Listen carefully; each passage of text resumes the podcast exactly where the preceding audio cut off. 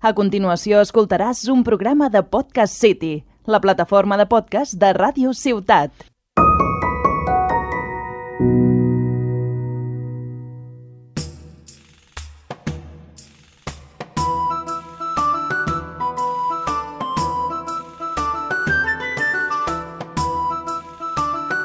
Bona tarda, bon dia, bon matí, bona nit.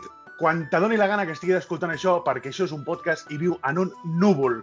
Benvingut una setmana més a la posada del Poni Pisador, la taverna de confiança de tu, amic friki i gordo que menges risquetos i veus Monster.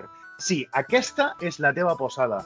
I aquesta setmana portem un tema bastant diferent a lo que normalment fem o parlem, però és un tema interessant, al cap i a la fi és un tema que tothom ha escoltat alguna sobre aquest tema. És impossible que no hagis escoltat res sobre això, perquè és un fet històric que va passar fa un temps a la nostra història i és la Segona Guerra Mundial. Avui venim a parlar de la Segona Guerra Mundial en, en el context històric, tant en videojocs com en cinema, com en còmics i llibres. Tenim avui, en aquest cas, dos convidats que són, jo podria considerar-los perfectament persones eh, expertes, però avui el podcast es farà en castellà, perquè ells són castellanoparlants, i aquí no discriminem a ningú, perquè, perquè som espanyols. I a Espanya tenim un rei i un idioma. El català és un dialecte, no ens equivoquem. ¿vale? Això ho hem de tenir clar. Avui venim a parlar amb dues persones que no són historiadors, però jo els he escoltat parlar i semblen historiadors perquè saben molt més que alguns historiadors. I saben, sobretot, coses que molts donaven per suposat que eren així, i realment no eren així, no van passar així històricament.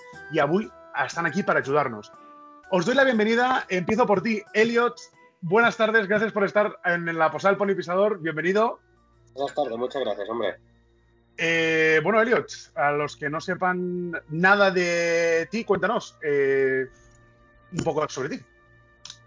Pues yo soy, mira, un chaval humilde que le gusta siempre leer y cuando pilló el primer libro de Segunda Guerra Mundial se empezó a aficionar, a aficionar y bueno, y ahora pues tengo una pequeña habitación con mis medallitas y mis cositas. Yo, yo tengo que reconocer que yo he visto con mis propios ojos esa habitación y realmente hay museos con menos contenido y material que el que tú tienes metido en esa habitación de 5 metros por 5 metros.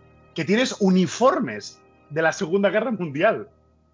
Bueno, son réplicas, pero bueno, sí, tengo un Pero maniquí es ahí. igual, es igual, tienes un maniquí, tienes réplicas de armas, tienes medallas, tienes insignias, tienes balas, es impresionante, es decir, es- te sientes un poco como en la Plaza Roja de Moscú, en el Museo de la Guerra, un poquito, ¿eh? Yo, No, bueno, son sí años que- de ir encontrando chollos y bueno, al fin y al cabo eres una persona que colecciona, al igual que otro puede coleccionar cómics o videojuegos como yo, al fin y al cabo te apasiona este, este tema y coleccionas, al fin y al cabo. Sí. También eres, también eres friki de otras cosas, que somos amigos y eres también eres friki de Star Wars y esas cosas. Pero claro, estamos hablando de que eh, la Segunda Guerra Mundial te tira mucho. Sí, Mucho. primera y segunda sobre todo. Bueno, luego, obviamente, históricamente ha habido muchos más conflictos que las dos guerras mundiales. Es decir, hablamos de que el ser humano, desde que es, es- se tiene constancia, se ha dado de hostias con el vecino, sea por un trozo de tierra, por una mujer, por un trozo de carne o por un ídolo barra tótem que el otro cree que no es el correcto. Eso es. Y la otra persona... Dime. También, pero es eso, es el temas conflictos bélicos eh, siempre me han gustado. es, es- bueno, es que hay mucha gente que tiene mucha afición por este tipo de, de conflicto. La otra persona que nos acompaña eh, hoy es ex compañero, mejor amigo, eh, persona eh, grata en mi vida, como si fuera un hermano. Aarón, buenas tardes. Hola, què tal? Puc parlar en català, si voleu, eh? Soc català, també, eh? No, no, sí, sí. Simplemente es, es para que, o sea, tú hablando catalán eres, no sé, eres como un abuelo haciendo skate. Es muy raro. Es decir, pa- para Bueno. mí es muy raro. És raro per tu, clar. No. Sí, sí, eh, obviamente. Bueno, hablamos en porque- castellano, no pasa nada, no pasa nada. Va. No pasa nada. En el- te re- repito, en España tenemos un rey y hay que respetarle. Eh, bueno, tú también eres una persona bastante entendida y sobre todo bastante ligada con el tema de la Segunda Guerra Mundial. Siempre en casa eh, he visto muchos libros, tienes muchas co- cosas Bueno, coleccionables y sabes Es el, mucho tema, sobre la Segunda es Guerra el Mundial. tema que más me apasiona y el que más horas le he dedicado en mi vida siempre. Importante Desde- también dejar claro que a las personas que nos escuchen que aquí, políticamente hablando, no nos posicionamos ni en un bando ni en otro. Es decir, mm, es, habla- venimos a hablar del contexto histórico y del eh, el rigor en videojuegos, en películas. Aquí no venimos a hablar de política, es decir, No, a ver, quien me conoce ya sabe que soy antifascista, declarado. No, Sí, sí. no, no viene de nuevo. Además, tengo, aparte tengo tatuajes que si lo viera algún nazi, pues me metería en algún lío, ¿sabes? eh, Elliot, también va por ti, ¿eh? Perfecto, sí, sí, sí. Yo, tengo, yo- yo tengo muy claro lo que pienso y, y a quien no le guste, pues opción. Eh, perfecto. Pues eh, nada, eh, sin más dilación, vamos a empezar con el podcast. Lo primero de todo, la Segunda Guerra Mundial va más allá de, de las guerras, esta, o sea, de- del conflicto que en este caso Hollywood nos ha querido hacer ver, que es este tramo de, de guerra del, a lo mejor del 42 hasta el 45, que es lo que todo el mundo ve o, o tiene supuesto que es la Segunda Guerra Mundial. Es decir, la Segunda Guerra Mundial va mucho más allá. Y Bueno, en el 42 entran los, entran los americanos y tal, pero empieza en el 39 Mm. y Pero algo antes, en el, antes. 30 y- sí, en el 33 es cuando Hitler llega al poder y empieza a hacer sus empieza a hacer sus movidas antisemitas y, que y empieza un poco a, a truncarse la cosa. yo hablo, yo hablo desde, mis- mis- de- desde mi conocimiento, que es muy bajo en respecto a Bueno, vosotros. Pero y sobre hay todo, que... sí, dime. No, y sobre todo mi conocimiento también se basa mucho en lo que he jugado y lo que he podido ver en videojuegos y en, y en cómics, ¿de acuerdo? Y en libros. No es un, no es un, un entendimiento fidedigno como el que vosotros tenéis, porque habéis leído historias eh, Ya, de la es que Segunda este es un tema auténtica. que te tiene que apasionar porque si no es que se te hace cuesta arriba y es tostonaco. O sea, conozco poca peña que te pueda seguir el rollo, ¿sabes? Porque la verdad es que a hoy, la gente hoy le suele so- aburrir. Exacto, yo hoy sirvo como una alianza entre dos personas que sois tú y Elliot, que no os conocéis personalmente, yo os brindo un espacio donde podéis daros las manos, podéis besaros si queréis y pasaros el COVID y hablar de la Segunda Guerra Mundial hasta que el sol se ponga, ¿sabes? Es decir, Vale, vale. simplemente Vale, eh, sirvo de, de- como de, El trampolín, de- sí. de trampolín, exacto. Yo, eh, lo que es de la Segunda Guerra Mundial, siempre he visto, tanto en el cine como en, el, en los videojuegos, que no se explica todo o que siempre se explica alrededor de los americanos. Es decir, los americanos siempre son los buenos, o, o en este caso, los mejores, los que ganaron, ¿no? Entre comillas. Y luego están los, los nazis, que son los malos, y los rusos, que son malos, pero son buenos a la vez. Es decir, Bueno, a ver, desde el posicionamiento de Hollywood, parece como que el esfuerzo bélico es solamente de Estados Unidos, ¿no? Y para mí, el porcentaje de sacrificio para mí, ¿eh? Y mira que no soy comunista ni nada. Pero para mí creo que fue un 70-30, ¿vale? O sea, para mí creo que el esfuerzo bélico en vidas y sacrificio básico fue los, eh, la, Unión- la Unión Soviética. Y luego, se claro, dejaron ahí la piel, que se dejaron ahí la piel. los, estuvieron los Yankees, que sí, que mandaron todas las divisiones a Europa, dividieron ejército y fueron al Pacífico y miles de muertos. Sí, pero el que pilló cacho fueron los soviéticos, porque madre mía, la que se venía encima con la Operación Barbarroja, ¿sabes? No era la que se le iba ahí, tío. Pillaron mucho, ¿no? Sí, pillaron millones y millones y millones y millones de bajas, tío. O sea, lo- en Rusia se quedó un Pero gallumbo. esa, es la, o sea, pa- pero esa es la parte que realmente fuera no se ve. Es decir, siempre es como que los americanos fueron los que más lucharon, fueron los Eh. que más soldados Bueno, perdieron. pero es, Los es lo que te vende la Hollywood. Fueron, ellos fueron los héroes, pero históricamente hablando, el, el que hizo el esfuerzo de guerra más grande y sacrificio fue la Unión Soviética, sin duda. Yo, por ejemplo, yo, por ejemplo, siempre me ha quedado sorprendido mucho del tema del desembarco de Normandía, que es que siempre se enseña como que fueron los americanos solos los que ganaron, y realmente en ese desembarco de Normandía, en esas playas, había canadienses, ingleses, americanos, franceses. Sí, claro. ah, Pero, Pero- pero, pero, pero en el cine no se ve. En el cine solo hay yankees. Ya, pero porque Yo- los- películas, claro. ya, yo he visto películas luego, o sea, yo, yo me he puesto a ver películas, ¿no? Y digo, hostia, así es. Y hay un momento que ya piensa, joder, americanada, americanada.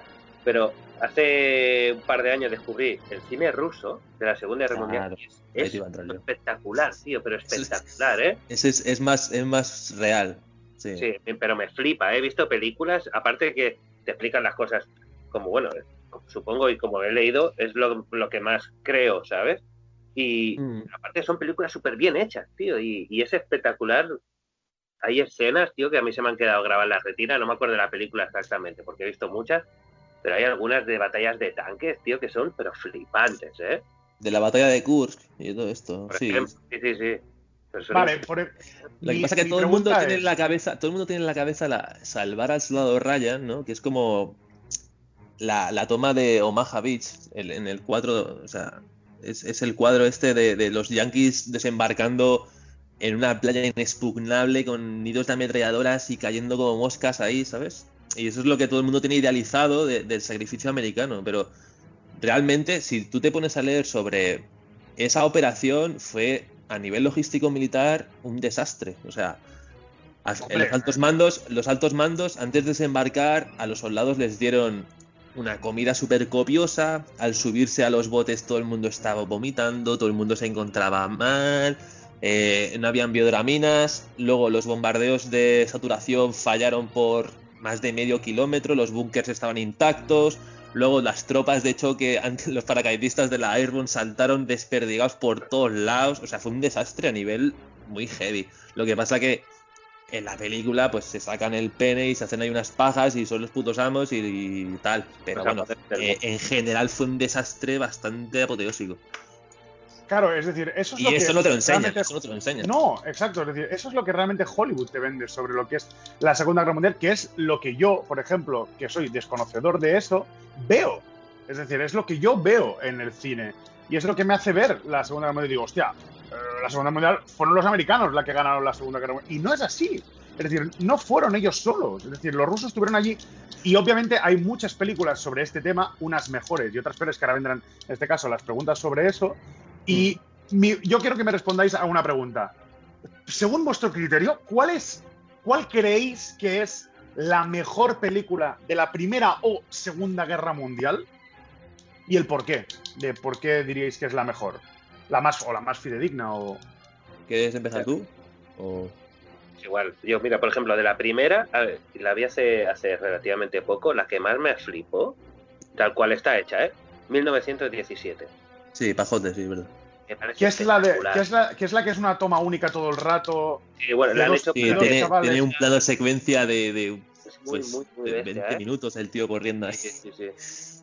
sí. En, Sendero- en Senderos de Gloria, que es una muy vieja también, que es del Stanley Kubrick, también hay una escena muy larga de el creo que es el Kirk Douglas, ¿no? Que va paseando ahí por la trinchera y esto el rato él va hablando y tal y vas viendo trinchera, trinchera, trinchera y lo curioso también que vas viendo a la gente de- que van haciendo cosas por detrás y tal y la de 1917 me recordó totalmente a esa escena, ¿sabes? De que tú ves cómo empieza la trinchera y ves cómo cada vez se va poniendo la cosa más, mucho más jodida, ¿sabes? Como van hacia la línea de frente, ¿sabes? Está, está muy, esa, esa parte está muy currada. Yo me quedo con esa película, ¿eh? Pero de Primera y de Segunda Guerra Mundial, con esa. Me flipa. Sí, Yo- es decir, como, co- tú, tú también la, la abarcarías como, como De la, primera, de la- de la Primera Guerra Mundial, es que tampoco, no hay muchas pelis de la Primera Guerra Mundial, ¿sabes? Tampoco hay, pero así para destacar en plan una obra audiovisual excelente, tampoco, no sé. Yo destacaría Sí. esas, esas dos, la de 1917 y Senderos de Gloria. Que Senderos de Gloria es un poco más, más aburridita, es en blanco y negro y dura bastante. Pero bueno, Mm. que sí, tío, Stanley Kubrick, bueno, y todos sabemos que hace putas maravillas. Pues esa es una de ellas también. ¿Y de la segunda? ¿Hay alguna que os haya impactado o que digas, hostia, esta Yo, es la mira, mejor? yo, yo te diría que es, para mí, no es muy popular, pero para mí es, es la de Stalingrado. Se llama así la película y es del 93 Sí. o del 94, no me acuerdo. Stalingrado, Es, no, es de los o sea, 90, es de los 90, Cero, no me con- acuerdo. cero constancia, ¿eh? O sea, Que es Vale, como, eso que suena. empieza como de un terremoto o algo así, ¿no? Mm. ¿Sabes? Que sale Ah. como el que cuenta la historia, que ha pasado algo y, y empieza contando la historia como que ha pasado algo. Y está muy bien hecha también. Bueno, es, es, es una película alemana, de- de- desde el enfoque alemán de la conquista de la Operación Barbarroja, cuando se van al frente del este. Y es una tropa alemana, te cuenta la, es la visión de una tropa alemana que están en Italia, es- vienen, de, vienen ahí de, están ahí de paso y van a- hacia, pues eso, hacia el frente del este, que su objetivo es Stalingrado. Y, y la, la película mola porque ves a la tropa pues con la moral alta de todas las victorias en Europa, de haberlo conquistado todo, y, y de repente pues empieza a, truncarse, ¿no? Porque el avance, repente, el avance ruso es muy complicado por el terreno, la expansión gigantesca, el frío y, en fin, la, la- la- la miseria de no- que no, ha- no llegan los, los recursos de tropa, no llegan los, los víveres ni armamento y se ven con contra un ejército que no tiene nada que perder, que están luchando en su tierra por todo y, claro. y madre mía, es una peli Yo- muy, muy, muy tocha, muy guapa. Yo tengo que, tengo que reconocer que a mí, una de las cosas que me atrae de ver una película, de, por ejemplo, para mí, la mejor película que yo he visto de la Segunda Guerra Mundial, que a mí es la que más me ha impactado, no es que, porque al fin y al cabo yo no, no la sigo por el rigor histórico, porque no sé exactamente cuál es el rigor histórico, pero hay una, por ejemplo, que me impactó mucho, fue la de Roman Polanski, del pianista. Fue no solo por el sufrimiento de, de- de- de esta persona, que al fin y al cabo era un judío dentro de Polonia que escapaba de los, de los nazis, sino que es que realmente te hace ver la crudeza. ¿En, qué, ¿En qué me refiero? Es decir, no hablo del rigor histórico, que seguramente habría fallos, sino que hablo de que te enseñan realmente o te quieren hacer ver cómo es la guerra realmente. Porque el problema de las películas de guerra es que se idealiza como si la guerra fuera un videojuego. Y en la guerra no hay ni buenos ni malos, ni ganadores ni, ni derrotados. Simplemente hay gente muriendo. Y eso en la película de Roman Polanski se, se retrata muy bien, porque es toda la puta película, una ansiedad y una angustia terrible. Que tú ves luego Enemigo a las puertas, que es la del francotirador del Vasily Saichev ese, y la película parece una puta película de locura, de venga a disparar aquí, y, y es todo happiness, ¿me explico? Es decir, no hay, no hay un momento de tristeza en la película. No, no, no llegas a ver la crudeza de la Segunda Guerra Mundial en la película de Enemigo a las puertas. No la ves. Hmm. No, no hay crudeza. En la lista de Schindler, por ejemplo, aquí sí que te diría que, hostia, yo he llorado heavy ¿eh? con la lista de Schindler porque la lista de Schindler te deja un poquito... Bueno, es, es para eso, es un poco historia de drama humano y de dónde es dónde llega capaz eh, la Pero- maldad en, en su máximo esplendor. yo, Y también de la bondad, y también de la bondad, claro. Sí, claro, de que, de que en, los, en los momentos malos hay gente buena y en los momentos buenos también hay gente mala. Es decir, todo, todo hay que... Por ejemplo, yo la, la- una película que vi que hay gente que cree que es muy buena, pero a mí me pasó sin pena ni gloria, fue la del hundimiento, ¿vale? Yo la del hundimiento no la vi mal, que Me es la de parece los muy interesante a mí la del hundimiento. Porque es mí no bastante me- fiel, es, es bastante fiel, ¿eh? A lo... Pero aquí está el Bastante problema, es bastante fea. A mí no me, no me convenció, no... uf. No Claro. sé, no... pasa, por ejemplo, que hay días que digo, hostia, voy a ver una peli, ¿no? Y a lo mejor si está mi chica al lado, digo, pues pongo una peli, ¿te apetece una de guerra? Venga, va, pues ponla. Y la vemos y no estoy tan pendiente de como si me la pongo para mí solo, ¿sabes? Y entonces, pues hay películas que me parecen muy buenas y en realidad son un truño rigormente hablando, ¿sabes? Pero luego digo, hostia, esta como película es un truño, pero lo han clavado en todo, ¿sabes? Entonces, hay, por eso hay películas que sí que me gustan y son un, un truño en realidad, pero Mi Claro, pregunta que- es... A ver, yo me fumo cada peli que fliparías. O sea, a mí me pones comando de Arnold Schwarzenegger, que es básicamente un tío retirado de las fuerzas especiales y va a una puta isla y empieza a reventarse a, a- a una puta división de gente, un tío que va casi medio en tanga, toma asado en una barca ahí con el, con el bíceps como mi cabeza y, y a mí me flipa eso. ¿Y eso, eso qué, qué veracidad tiene? Ninguna. Pero me la como y la disfruto. Vosotros clasificáis... Me flipan de Chuck Sí, Norris, exacto, como la- de- de como la de Chuck Wars Norris. y cosas así, me flipan. Eh, eh. Es, es- Norris, la, la de desapareció en combate. Es Sí, la de la claro, moto, eso es es la de la moto que dispara misiles. O Rambo, Rambo es increíble. Ra- Rambo, Rambo Ha visto también. cosas que harían vomitar a una cabra. O sea, Rambo, a mí Rambo me parece, o sea, he visto dos películas de Rambo a lo mejor en toda mi vida, de las 27 y, y- y spin-offs que hay. Ah, la- las, dos, Porque- las dos primeras, luego ya. Sí, la- las que ponían hace mil años en la televisión española, Bueno, la que las pero es que son las únicas que he visto. Y, y la primera me pareció mala, la segunda me pareció peor. Pero porque al fin y al cabo no me gustan, porque es, es como... Es como, no sé, no, no me acaba de convencer. Pero vosotros... Es cine, eh, cine de pandereta, es en plan pum, cine, pam, cine de las pa, 4 de la tarde, sí, sí, Sí. exacto. A mí, me- a mí me flipa el cine este. o sea, no- Es, el decir, cine, pa- es el cine perfecto en, el- en los que los pirotécnicos, las empresas pirotécnicas se frotan las manos, porque es un despilfarro de fuego artificiales y coches volando por los aires que da gusto ver. Claro. ¿Vosotros clasificaríais, o sea, vosotros clasificáis tanto cine como documentales como videojuegos en válidos o no válidos en el sentido de rigor histórico bar- barra sí. bélico? Yo sí. O sea, a mí, si, si un videojuego te saca del contexto histórico y no es puro, mm, Que ahora hablaremos de me, eso. ¿eh? me sale caspa. Me, me- me Pero- pongo malo, tío. ¿Y en el, y pongo en el malo. cine también, con el cine también lo haces o con los documentales? Por ejemplo, cuando ves un documental de estos. el- a mí, por ejemplo, el canal Historia me flipa. Porque He visto, Historia- he visto documentales, he visto, he te voy a decir, he visto documentales que me he puesto las manos en la cabeza y he dicho, ¿qué estás hablando? Pero son verdad. No, no, no, o sea, inventándose cosas, inventándose cosas en plan, ahora, venga, toma por culo, Tara Gómez, toma, doblada. Hitler, Hitler tuvo contacto con los alienígenas y salta un señor Ah, de eso- México. yo de eso ya Es ni cierto- hablo, es cierto que hablo. Hitler tuvo- es cierto que Hitler tuvo contacto con los alienígenas. Tenemos constancia de que su primo era alienígena. Es, es- ¿alguien? Sí, sí, sí. O sea, el canal. Bueno, gente- eso- el direct- Esa- ¿Director hay, del mucho canal Historia? salseo, hay mucho salseo con ese tema porque en las divisiones de las SS había, había una división que se dedicaba a buscar artefactos eh, milenarios como el Arca de la Alianza, eh, el Santo Grial, pero esto es real. O sea, un día se presentaron las SS en Montserrat, en el Sí. monasterio de Montserrat, en plan, Con el Himmler. ahora somos las SS, veni- venimos a ver la moreneta, ¿sabes? O sea, ¿Qué increíble. Y todo Esto es pesando. real, ¿eh? Esto es real, ¿eh? Pero que, Pero que tiene la mureneta que les. Que les No, no, porque, no, porque se- o sea, yo he leído, tengo, tengo, un, tengo un libro, ¿cómo se llama el libro? este? Bueno, no me acuerdo, tengo un libro por ahí que habla de esto. Y la movida es que se pensaban que en Montserrat había un portal. Los nazis eran unos frikis de estas movidas. Se fueron al Sí. Tíbet, eh, fueron al Amazonas, se fueron a Egipto. O sea, esto es una locura, ¿eh? O sea, Tengo un el libro este de. Es un, de son súper ocultismo de Hitler y, y es brutal, ¿eh? Hay cosas que dicen. Sí, mira, tengo. Mira, voy a buscar el libro, lo tengo por aquí. Hostia, pues me gustaría, si alguno de vosotros me podría dejar, lo de Montserrat, solo leer lo de Montserrat, me, me, Mira, me libro- preocupa y me fascina a la vez. Mira, el, el libro se llama El triunfo de las tinieblas. Hostia. Collones. Sale una esvástica ahí un poco así camuflada para que no, para no herir sentimientos de los de la gente que tiene fobia a la, a la esvástica.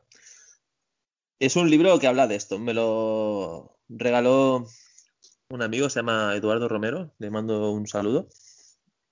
Y es un libro que habla de, de, pues esto, de, de- de- de la búsqueda de, de toda clase de artefactos, pero para usarlos en contra de enemigos. O sea, buscaban el Santo sea- Grial, el Arca de Alianza. O sea, lo de Indiana Jones tiene su, tiene su parte, tiene, su- tiene su parte, tiene su parte fide- de verdad. O sea, es así. Estamos hablando que sería como lo de Indiana Jones, es decir, buscaban Sí, sí, o sea, algo esto- tipo. Eso es real. La eso es real. alianza y la otra de y mierdas y tanto grial y todo, sí, sí. Súper en pepinillos. buscar esas Está documentado, está documentado, sí. O sea, me parece súper raro y, y- es que no sé.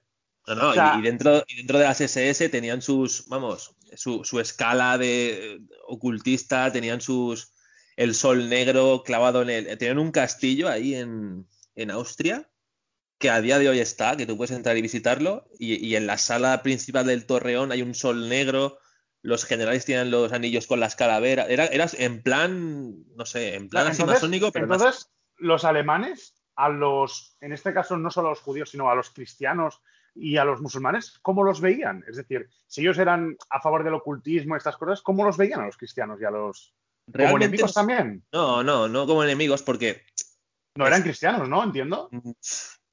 Mm, Sí eran, pero. Pero no eran judíos. pacha- pero pachipacha. Antisemitas declarados, eso sí, pero no eran.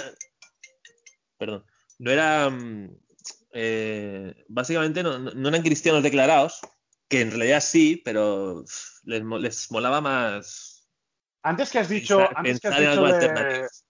antes que has dicho de la fobia a la esvástica, eh, no sé si conocéis una saga muy famosa de videojuegos que quería hablar de ello, que se llama de Bethesda, que se llama Wolfenstein. No sé si sabéis eh, Joder, claro que de, qué, sabemos. de qué hablo, que es un juego mítico, muy clásico, en este caso, Sí. en el cual nos narra una historia en la cual los nazis sí han ganado la guerra y el Sí. mundo ahora es ah, de los nazis. En este caso, yo quería hablar de la polémica que hubo eh, hace relativamente poco, cuando salió las nuevas versiones de Wolfenstein, que fue el Wolfenstein 2 de New Colossus, porque en, al- en- en nuestro país y en muchos otros países no ha sido censurado o modificado, pero tanto en Alemania como en Japón ha habido una censura de la na- desnazificación que le llaman, ¿de acuerdo? Es decir, yo más que nada quiero saber vuestra opinión. Es decir, ¿se, eh, ¿se pueden matar nazis? Ellos mismos dicen que son nazis, pero dentro del juego no hay banderas, no hay saludos eh, nazis, no hay eh, simbología, no hay águilas, no hay esvásticas. Hitler, por ejemplo, no lleva bigote. Um, Bueno, sí, los tampoco principales. Sí, exacto. Tampoco en el juego na- nunca dicen Heil Hitler. eh, se sustituyó por la palabra eh, eh, mi canciller. Es muy, es muy raro. Y, y es todo porque eh, los jóvenes, eh, por lo que he leído, ¿no? Los jóvenes alemanes se sienten muy despegados y entienden que su pagas- eh, pasado era muy malo, pero que eran otros alemanes y no quieren hacer referencia. Es que es muy raro. Entonces las empresas como la de Bethesda prefieren censurar un juego antes de que crean, es decir, en vez de luchar porque el juego sea fidedigno, como nos lo han enseñado, por ejemplo, en España, prefieren censurar todo el juego entero para que los medios de comunicación no crean que apoyan la, que, la simbología nazi que salga en su videojuego. Claro. ¿Qué, qué opináis vosotros sobre el tema del Wolfenstein y, del, y de la simbología? ¿Lo habéis probado? Bueno, pero, o es lo que, es no, eso no solo pasa en el Wolfenstein, pasa en el Call of Duty, pasa en el Sí, Battlefield, pasa en hablar. todos los juegos. O sea, eh, para mí es un error el echar, o sea, echar por tierra el sacrificio de todos los soldados que dieron la vida por luchar contra el nazismo, porque para mí es una forma de olvidar lo que fue el nazismo. O sea, Claro. para mí el, el olvidar el símbolo de la esvástica, Hitler, para mí es un error. Pero sí, también comprendo que a mucha gente le debe ofender la esvástica y le debe ofender X. Para mí, lo ideal sería que si tú estás jugando a un juego de la Segunda Guerra Mundial, Que eh, ya sabes cuando- que va. Claro, que tú sabes a, a qué vas a jugar y, y a qué te enfrentas y, y qué, y de qué va la movida porque eres consumidor. A mí lo que más me ofende es mm, ir paseando y que el estandarte tenga una cruz en vez de una elástica. Eh, Sí, bueno, realmente, es, es lo que has realmente, dicho de que, joder, también está, igual que quieren olvidar esto, o sea, no les interesa también olvidar a toda la gente que ha muerto No. por, por mm, mm, intentar matar a los otros, ¿sabes? Estás, es que no. supongo, que- supongo que no, ponen así la ya sabes que te va a esvástica y, y no ponen las estéticas correctamente para, para los cuatro pajeros neonazis que quedan, para no. No sé, para no promover el nazismo nuevamente. Yo qué sé, no, es que no, tampoco no, no lo he llegado a comprender nunca. pero realmente, realmente es de hace unos pocos años hacia aquí, porque Sí, yo... cinco o seis años atrás. que- Sí, o 10 como mucho. Yo soy, yo soy mayor, no tanto a lo mejor como puede ser otras personas, pero yo recuerdo empezar a jugar a videojuegos hace muchos años, muy pequeño, y recuerdo Medal of Honor, por ejemplo, Medal of Honor es Underground. Sí, sí, No. Medal of Underground era el segundo, era el 2. El, el, el el Medal of 2. Honor que, que trajo mi hermano, que yo tenía Sí, con, con el sí, Yo tenía Play 10. 1. 10 a 11 años, salían las esvásticas. Y, Sí, y- y he de decir, y he de Honor decir Underground también. Sí, ese fue el 2, sí, sí. De decir que ese fue el inicio de, de que me interesara a mí la Segunda Guerra Mundial, porque me acuerdo que te pasabas las pantallas del Medal of Honor, por ejemplo, te dejaban en, en la, en la Francia ocupada, ¿no? Y Sí. te pasabas la pantalla, te explicaba, entre pantalla, pantalla y misión, te explicaban pues lo que había pasado en ese momento, en qué punto de la guerra estabas, y te, y te decían pues la misión que tenías que hacer de sabotaje, no sé qué. Y ahí empezó a, a molarme a mí la Segunda Guerra Mundial, tío. Ahí empezó a interesarme, tío. Elio, Elio, tú también crees, es, es- es lo que yo te digo, es decir, que ha cambiado mucho en este sentido. Es decir, antiguamente esto no pasaba. No, en No, todos lados, no. en todos lados estaban las esvásticas, tío, en los juegos Es que ahora son muy piel finas, tío. Ahora a todo el mundo le molesta todo y nada. Falta que tú vas con tu intención de hacer un videojuego y que, joder, ya si tienes que poner en duda de, ¿ponemos esvástica o, o no? No, tío, o sea, igual que yo me compro un juego de carreras, pues quiero que salgan coches, ¿no? Pues me compro un juego de la Segunda Guerra Mundial que sé que van a salir nazis, pues joder, pues si su bandera es una puta esvástica, pues que la pongan y ya está, ¿sabes? Pero- es que no pero, por ejemplo, Pero han cambiado, en este caso, en el sentido de, de- hay muchas empresas que lo que han hecho ha sido tirarse para atrás. Como yo, por ejemplo, recuerdo el, eh, de los primeros Call of Duty en los cuales había zombies que salían los mapas como Kino der de lo- y tal, y no había ningún problema porque eh, salían nazis. Pero ahora en los últimos Call of Duty, como por ejemplo el World of War 2, el de la Segunda Guerra Mundial, ya, ya hay censura. Sí, Es decir, en los, en los antiguos, en los antiguos no, pero ahora sí. En los de ahora sí hay censura. sí. Es raro. pero porque es ofensiva eh, socialmente, ya está. y- y, ah, Es raro, de- es raro. Es No raro. sé. Es, un tema muy raro. Bueno, eh, a ver, el videojuego donde más se han meado y se han cagado en, en- en la historia y en seguir un, un canon y en seguir la historia, porque al final un juego bélico que está basado en una guerra es tan fácil como seguir la historia. No te ven, o sea, no, no hace falta ni crear nada, ni, ni- ni inventarte nada. Pues cogió DICE y, el- y los señores de EA y cogieron y dijeron, vamos a hacer un Battlefield. Y dijeron, vamos a hacerlo mal, pero no mal de hacerlo mal, vamos a hacerlo muy mal. ¿Sabes? Yo, no, yo vivía contigo cuando compré ese juego, ¿te acuerdas? Sí, Eh, sí. Bueno, lo compramos, sí, compramos Vale. el uno y el- Yo vivía contigo. Tú- estuve una semana cagándome en, en, en Satán o no. O sea, Sí, pero, pero yo re- realmente recuerdo, ¿crees que recuerdo el, el- el- el- recuerdo el meterme en ese juego, instalarlo y la primera misión estoy en una en un avión alemán de paracaidistas y de repente miro para el lado y hay un negro y miro para otro lado y hay un chino, tío. Digo, pero, pero, pero vamos a ver. Me digo, vamos a pero, ver. pero vamos a ver, la, la Wehrmacht, la Wehrmacht, ¿de dónde, desde cuándo hay negros y chinos, tío? Pero realmente influye tanto el rigor histórico en un juego como para anteponerlo a la jugabilidad. Hombre, Tío, si es, de la segunda guerra, juego- si es de la Segunda Guerra Mundial, ¿qué Claro. pinto yo, qué pinto yo en, en un avión? Encima el avión era, era británico, que no era ni, no era ni alemán. Era, era un, una, un... Madre mía. Es que Ah, no si tú te compras un juego de la Segunda Guerra Mundial, te compras un juego de la Segunda Guerra Mundial.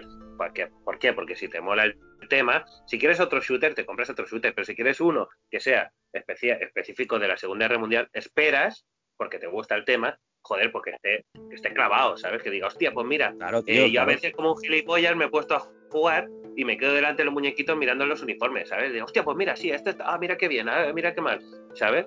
Pero claro, ya, ya vas con la idea Eso de comprarte claro, un juego eso- que sepas que va a estar bien. Y eso es otro tema. Cuando te ponías a mirar los, los uniformes en el Battlefield, eso era esperpéntico, está todo inventado. Todos los uniformes de todas las, de todos los bandos inventados, tío. Pero, eso Pero de- tal vez, de- tal- pero tal vez sea para, para no ofender, ¿eh?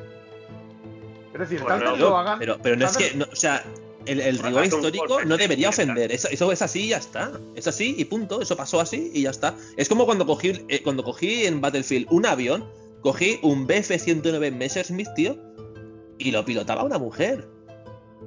No, Pero el, tema pero, de las mujeres, pero- ¿qué pasa? pero en la decir, Luftwaffe, en la, en la Luftwaffe que que no, no existía una mujer pilotando. Me parece, me, parece muy bien que quieras introducir una mujer en el videojuego, pero, tío, hazlo bien, mete, mete sí, mujeres soviéticas, tío. Claro, eso mete, sí. mete las francotiradoras de élite que había, colega, como la Ludmila, la Ludmila, tío, la, la, la, la Pavlichenko. Hostia, una, una chavala, una chavala de veintipocos años con, con más de 300 bajas. Eso es una señora, de verdad. Vaya. ¿Sabes? Y, y- y quedas como un señor y rigor y el rigor histórico está intocable y nadie te puede decir nada. Pero que me metas una mujer pilotando un caza de combate en el, en el 1940, pues no existe. A mí me, a mí me sacas de, de la, del videojuego, tío. En el, en el tema de aviones y mujeres, sí, estaban. o sea, había, unas que un, como un escuadrón que eran las brujas de la noche, algo así, que llevaban bombarderos rusos en las tías. Y solo iban de Pero noche. estamos, pero estamos hablando de la, Unión Soviética. Claro, sí, pero me, por Claro, eso lo que. los- yo alemanes, ¿no? Los alemanes. no. Claro, Claro. ¿sabes?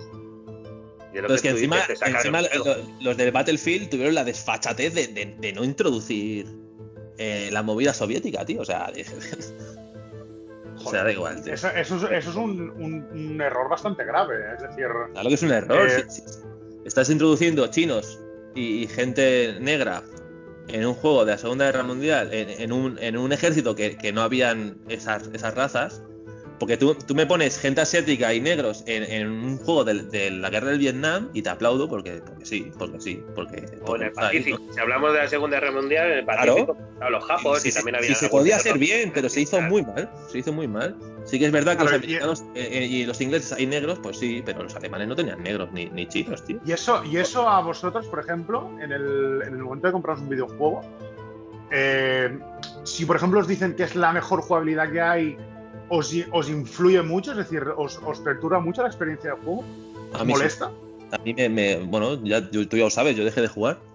Claro, es que sí. si vas a comprarte un juego de la Segunda Guerra Mundial, tío, espera que esté bien. O sea, Que no, no había, repetir, no, había, estaban ni, ni las simbologías, ni los uniformes correctos, eh, las etnias todas mezcladas. Mierda, es una mierda. Luego, accesorios de armas completamente inventados simplemente para la gente estúpida que, que querían punto de mira. Tío, la MP40 no, no, no tiene una mira telescópica, Tío, tío. no yo- me yo la- jodas, o- o- o el La cristalito MP40 ese es, la con el MP40 es una. Es un subfusil, un subfusil, un subfusil de- alemán, ¿vale? O, o la Hayward, o sea, una Hayward 43, un, un rifle con, yo qué sé, pues con un cargador de 87.000 balas. No me jodas, tío. O sea, es, es un rifle semiautomático. Claro. O, o yo qué sé, tío, o no sé. eh, ¿Qué te digo? sí, er- la, errores, errores. o la, ST la STG 44 con, con unas pajas mentales y, y con. Y el arma fluorescente, con una skin fluorescente. No, ya no me jodas, tío. Ya. Bueno, hay juegos que en este caso. Hay juegos que realmente no. evitan esto, que son como por ejemplo son el Get That Loose, me parece que se llama, el Arma 3, que son muy fidedignos. El problema es que no son tan conocidos porque no, son- no se hace tanta publicidad de ellos Y Pues son son de juegos PC. bastante- y son de ordenador, Claro. claro, correcto. Y son, Ese, son ese, juegos. ese que has dicho tú, este, este es. lo- Loose, yo sí, sí. sí, sigo a un youtuber que se llama Tyson. Ese chaval juega ese juego. Yo no tengo PC, tío. Juego a la Play yo. Y ese juego creo que está muy guay porque al final llevas, Sí, sí, llevas un mapa real- cartográfico, vas. Exacto, exacto. Te pegan un mochazo juegos- y estás muerto. es- Está muy son guay. juegos, son juegos con un rigor histórico mejor que las grandes compañías como puede ser Battlefield, Call of Duty, que Ya, lo único que intentan no es dejas- vender no- copias. No deja de ser un juego medio indie con, con unos recursos limitados que al final, pues. Porque además la por comunidad ver, es la que hace los mapas. Sí. Y, y en cambio, Dice, que tiene todo el dinero del mundo, los, los, Que lo los pueda juegos de EA, tío, lo manda por Y- culo. y coge, tío, y saca esa parida de juego, tío, que es, para mí es una, una pantomima de videojuego bélico. Es, es tan fácil como no decir que es de la Segunda Guerra Mundial. Ya está, y es que es otra cosa, tío. O sea, ¿eh? no digas que es de la Segunda Guerra Mundial porque luego va gente, pues joder, hostia, el último juego de la Segunda Guerra Mundial de esta gente, buah, pues puede estar bien, no sé qué, te lo compras y dices, hostia, pues ya no me voy a comprar ningún juego más de esta gente, ¿sabes? Porque No, no, o sea, yo la tengo vetada, está, vetado. Claro, o sea, claro. Dice para mí está vetado. Es una. Es. Vamos, falta de respeto total. No, pero a mí los que me flipaban eran los fondos, tío. Eso sí que ha estado siempre. Y habían un huevo, tío, y siempre me acordaré de uno que era del Pacífico, el 1943. Aquel juego, tío, o sea, todos los aviones, bajabas al Estaba suelo. guapo, estaba guapo, estaba guapo. sí. bajos ahí. Los gráficos eran una mierda, obviamente, pero Era, era el. Medal of Honor Pacific Assault, puede ser. estaba ese y luego había uno que era solo de aviones y de bueno y de infantería, pero en las islas, ¿sabes? Salían las pues, Iwo Jima. sí, Iwo Jima y tal. Y eran, is- eran mapas pequeños, pero se liaban unas trifulcas ahí que flipas. Y todo, y tú lo veías y todo era, joder, estaba clavado, tío. A mí, a mí ese juego me flipaba, me flipaba. Sobre el tema de la censura, antes que hablamos de lo de Alemania, eh, uno, otro- uno de los otros países que también censura muchísimo es eh, Japón, ¿vale? Y lo puedes ver, eh, el, el ejemplo más claro, no sé si lo sabíais, es en el, en el Call of Duty, el último que salió de la Segunda Guerra Mundial, el World at War 2, fue censurado muy drásticamente por el tema de la batalla de Pearl Harbor y lo de las Ya, pero es que atómicas. Japón, Japón es una sociedad súper hermética y creo que en el sentido social la Segunda Guerra Mundial para los japoneses es como muy tabú Sí. y lo tienen y lo tienen súper vetado el tema, ¿sabes? Es en plan, no ha pasado, esto no ha pasado, ¿sabes? O sea, es muy, o sea, popularmente la guerra americana japonesa no, no es no es muy famosa a nivel audiovisual ni de películas y tal, pero los japoneses comparado con los nazis no había mucha distancia. O sea, yo creo que los japoneses eran muy chungos muy también, ¿eh? ¿eh? O sea, en la, en la conquista de China, heavy metal, ¿eh? Había, habían dos habían dos tenientes o capitán, no sé qué, tenían un pique de a ver quién cortaba más cabezas. Y llevaban Sí. más de 300 decapitados en un día, ¿eh? Más de 300 ca- de decapitados cada uno. Lo que dicen muchos, lo que dicen muchos medios japoneses es que la sociedad japonesa tiene mucha pena por lo que hicieron y por lo que les hicieron. es Por que lo es eso, tanto, eso es otra. censura- censuran mucho. En, en cómo acabaron ellos. Y, eh, Nagasaki, o sea, las dos bombas que echaron. Ya Sí, para sí. eso ellos fue la muerte. Y estaban a punto ya de rendirse, pero bueno. Y los yankees dijeron, bueno, pues, me sobra esto, ¿qué hago con él? Mira, vamos a tirar dos bombas a ver qué pasa, a ver si las probamos. Y se lo acabaron de follar, pero El problema es el honor que tienen ellos, que vengan alguien y te folle de esa manera, es complicado. Bueno, Sí, yo creo que, que si las bombas atómicas, Japón no se hubiera rendido nunca, ¿eh? Porque ahí, básicamente se regían por el código Bushido y, y por todas las cartas que he leído y todas las experiencias de los soldados americanos que lucharon en el Pacífico que he estado leyendo, o sea, ellos te hablan del enemigo como el ser más luchador, incansable y feroz y que lo más radical que se han encontrado jamás. O sea, he, llegado a leer que los japoneses, una, escuadra de cuatro tíos eh, con un saco de arroz te aguantaban una serie un mes, ¿sabes? En una cueva, tío. O sea, luchaban centímetro por centímetro de, de su territorio. Eran súper radicales. Y a Estados Unidos le estaba costando básicamente toda la. toda la. los soldados habidos y por haber. O sea, Eh. para conquistar cada centímetro de playa de una isla perdida de la mano de Dios, perdían miles de hombres. Le Sí, estaba costando miles de millones en, en- en dinero, en vidas humanas y en suministros militares. Porque O sea, tierra. cuando la, cuando la operación Manhattan salió bien y sacaron las bombas y las pruebas atómicas, dijeron, vamos a tirar bombas atómicas para que se acabe esto ya, porque nos estamos quedando sin, sin juventud en Estados Unidos. Esa referencia la he entendido. He entendido esa referencia. Se llama así por The Watchmen. O sea, ¿Operación Manhattan? o sea, el Doctor Manhattan. He entendido esa referencia, Aaron. Mira, o sea, me Bueno, es, como la operación Manhattan es una es un vamos la el nombre de la enclave en secreto de la Ahora vive en. Marte el señor Manhattan, o sea, que no le molestemos mucho. Además, sé que es. Bueno, el señor el señor este que programa, inventó el este señor que el señor que produjo la bomba, el señor Eisenhower. Eisenhower. Sí. Ah. Bueno, ese se murió y luego estaba el. no lo sé. No lo sé, no Bueno, que, que vaya, vaya liada a inventar eso. tío. Aquí no os puedo ayudar porque desconozco quién es. Es que no, no- ni me suena la- el nombre Eisenhower. O sea, me suena de muy de lejos, pero no, no sabría decirte quién es exactamente. No, Lo es que sí que- Oppenheimer. Eisenhower era- no, Oppenheimer creo que era, ¿no? ¿Oppenheimer?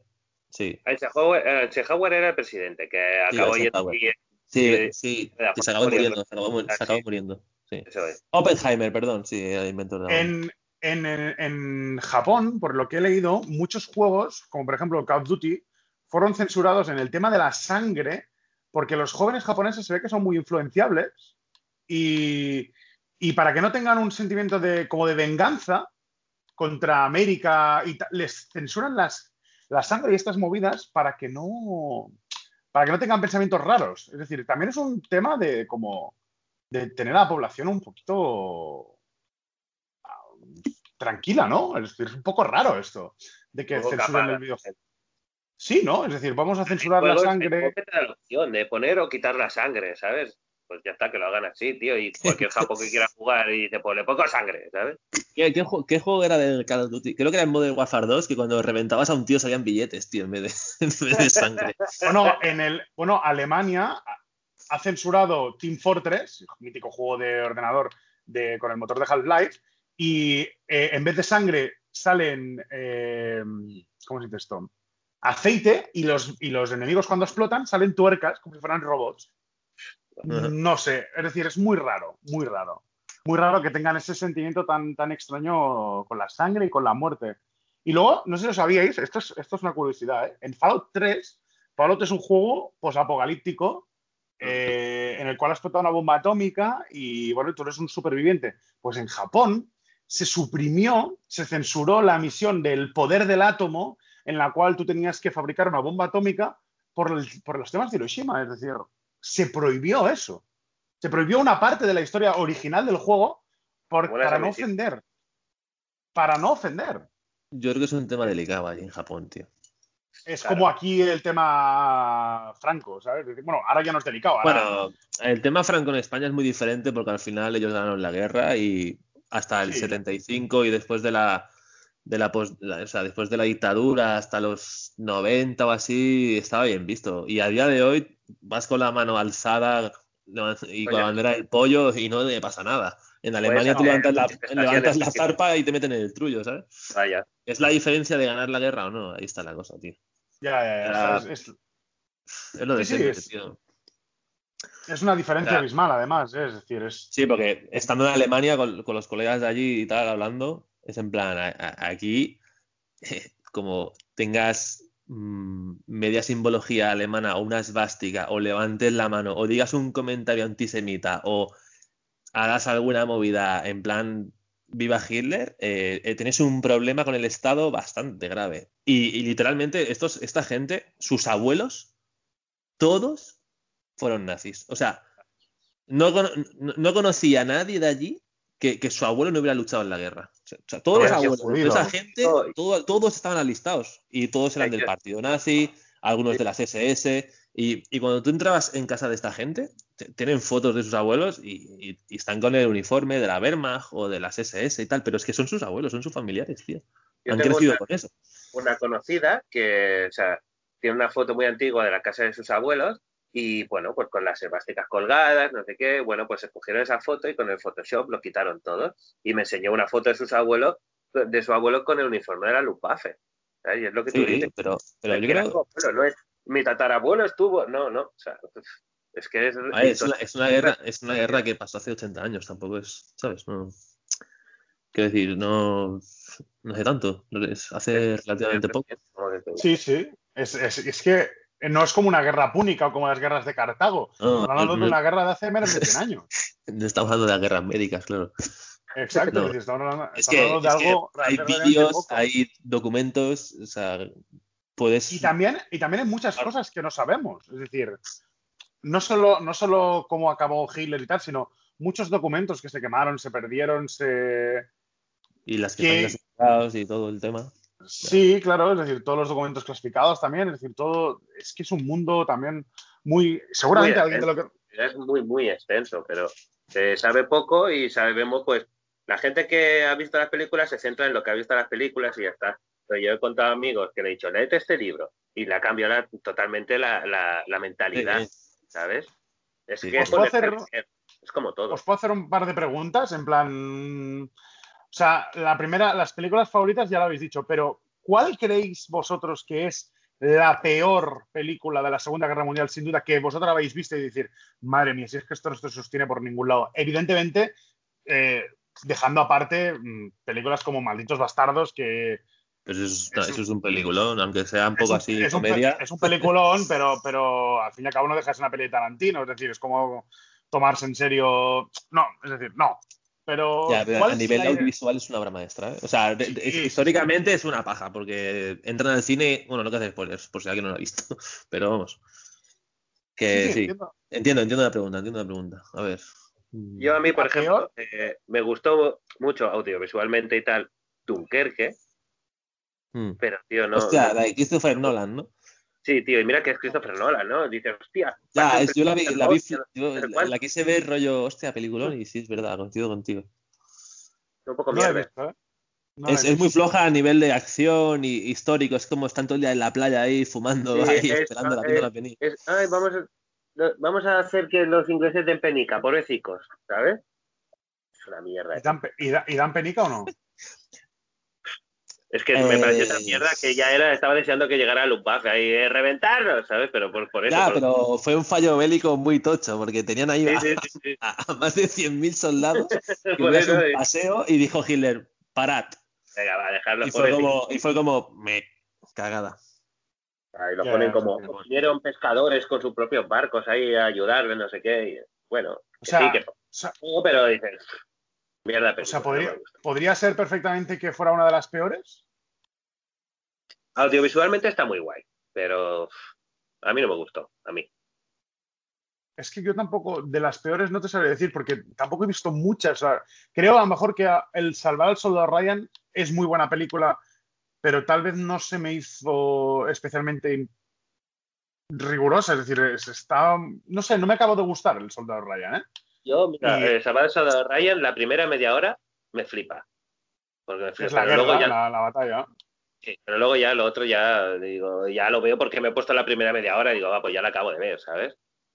Pero por lo demás, tío, no sé, no. O sea, A que ver, no. yo cine bélico, las ridículas es lo que te he dicho antes, tío. Cualquiera de Arnold Schwarzenegger de estas o de Rambo, tío, yo qué sé, tío. O sea, me parece una paja mental que un tío solo pueda doblegar una división. O sea, en Rambo 3 es un tío con un arco que tira abajo un helicóptero de combate soviético ahí con un, con un arco, no me jodas. ¿sabes? Ya, Mira, ya, ¿sabes ya. No, me, no me gustó tampoco la de Fury, tío. No me Hostia, gustó. a mí- tío. Es, es- a es- mí me- es una- La de Brad Pitt, ¿no? Ah, tío. Sí, sí, sí. Y ¿Sabes, que- y sabes que- lo único, ¿Sabes lo único que me jodió de esa película? O sea, que tienes un Sherman ahí atrancado en el barrio con la. O sea, en el barro, perdón. Tienes atrancado en el barro en, en- en el.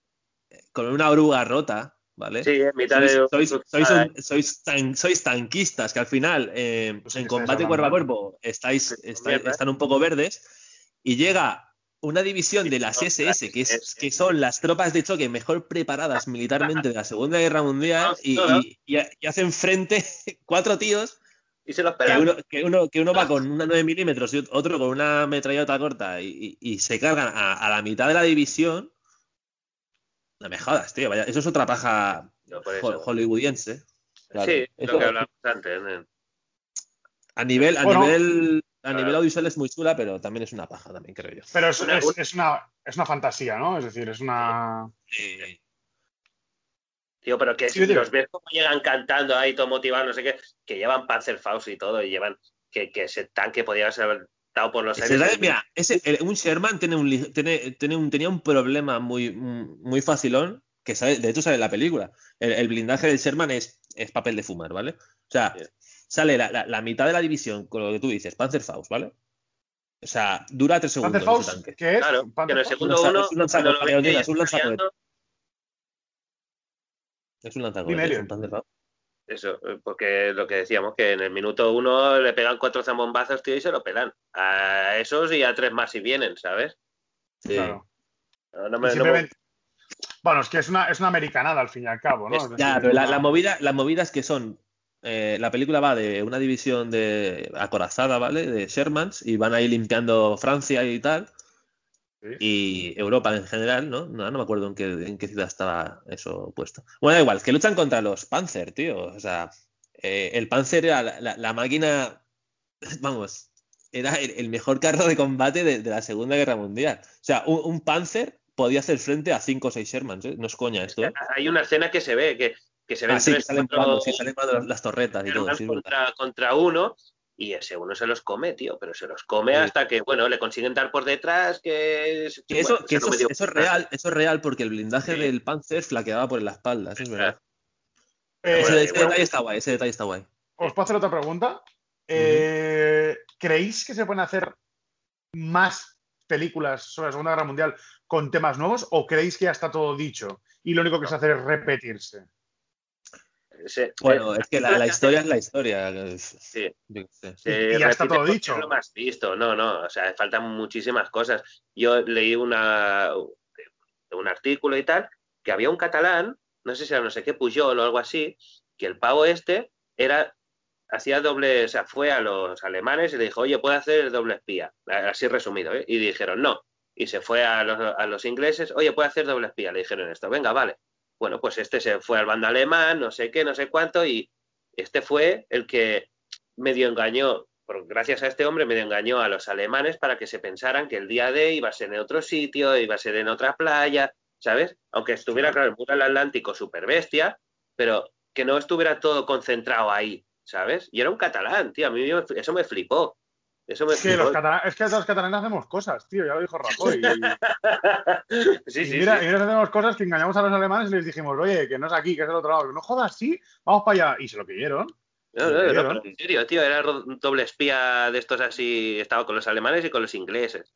Y el pavo triunfó un montón, tío, pero de ese no se sabe nada. Hay un documental de, creo que era de estos que hacían en la 2, ¿sabes? Y, Ujú. y- y hablan del tío este. Espera, no sabía nada de esto, miraré un poco. Sí, sí, pues búscatelo porque es súper curioso. Mi, mi suegro, que también le flipa el tema este de las guerras y tal, él, él tiene un libro y me dice, sí, porque el, el no sé qué Pujol era, no sé cuánto, y me, me Y, explicaba y la era, y, era, y era el Jordi que estaba en Andorra. ¿Qué, qué, qué, qué? ¡Els siguientes, Catalunya! ¡Que voleu aquí! ¡Els nazis! ¡Els tesoros, eh! Ya, pero al final son, son, "Oh, tenim son historias que no. tenim sí". Son historias que al final no atraen al gran público, ¿sabes?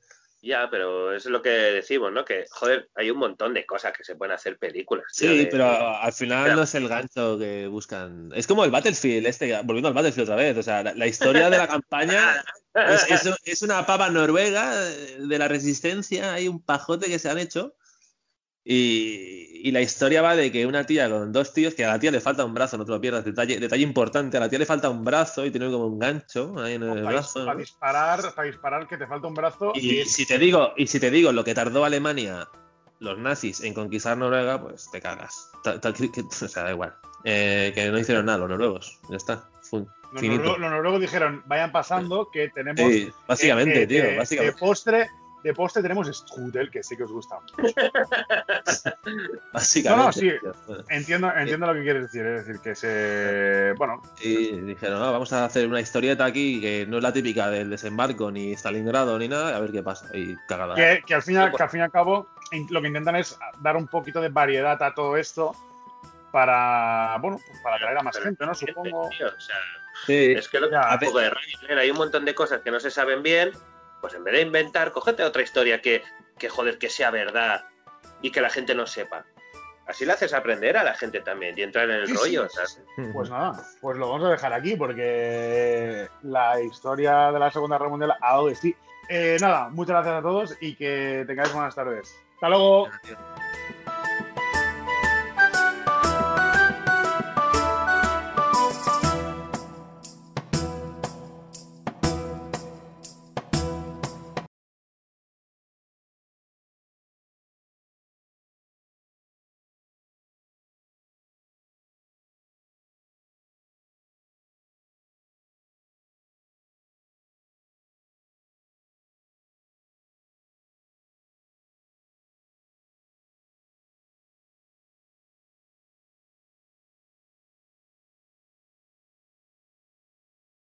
A continuació escoltaràs un programa de Podcast City, la plataforma de podcast de Ràdio Ciutat.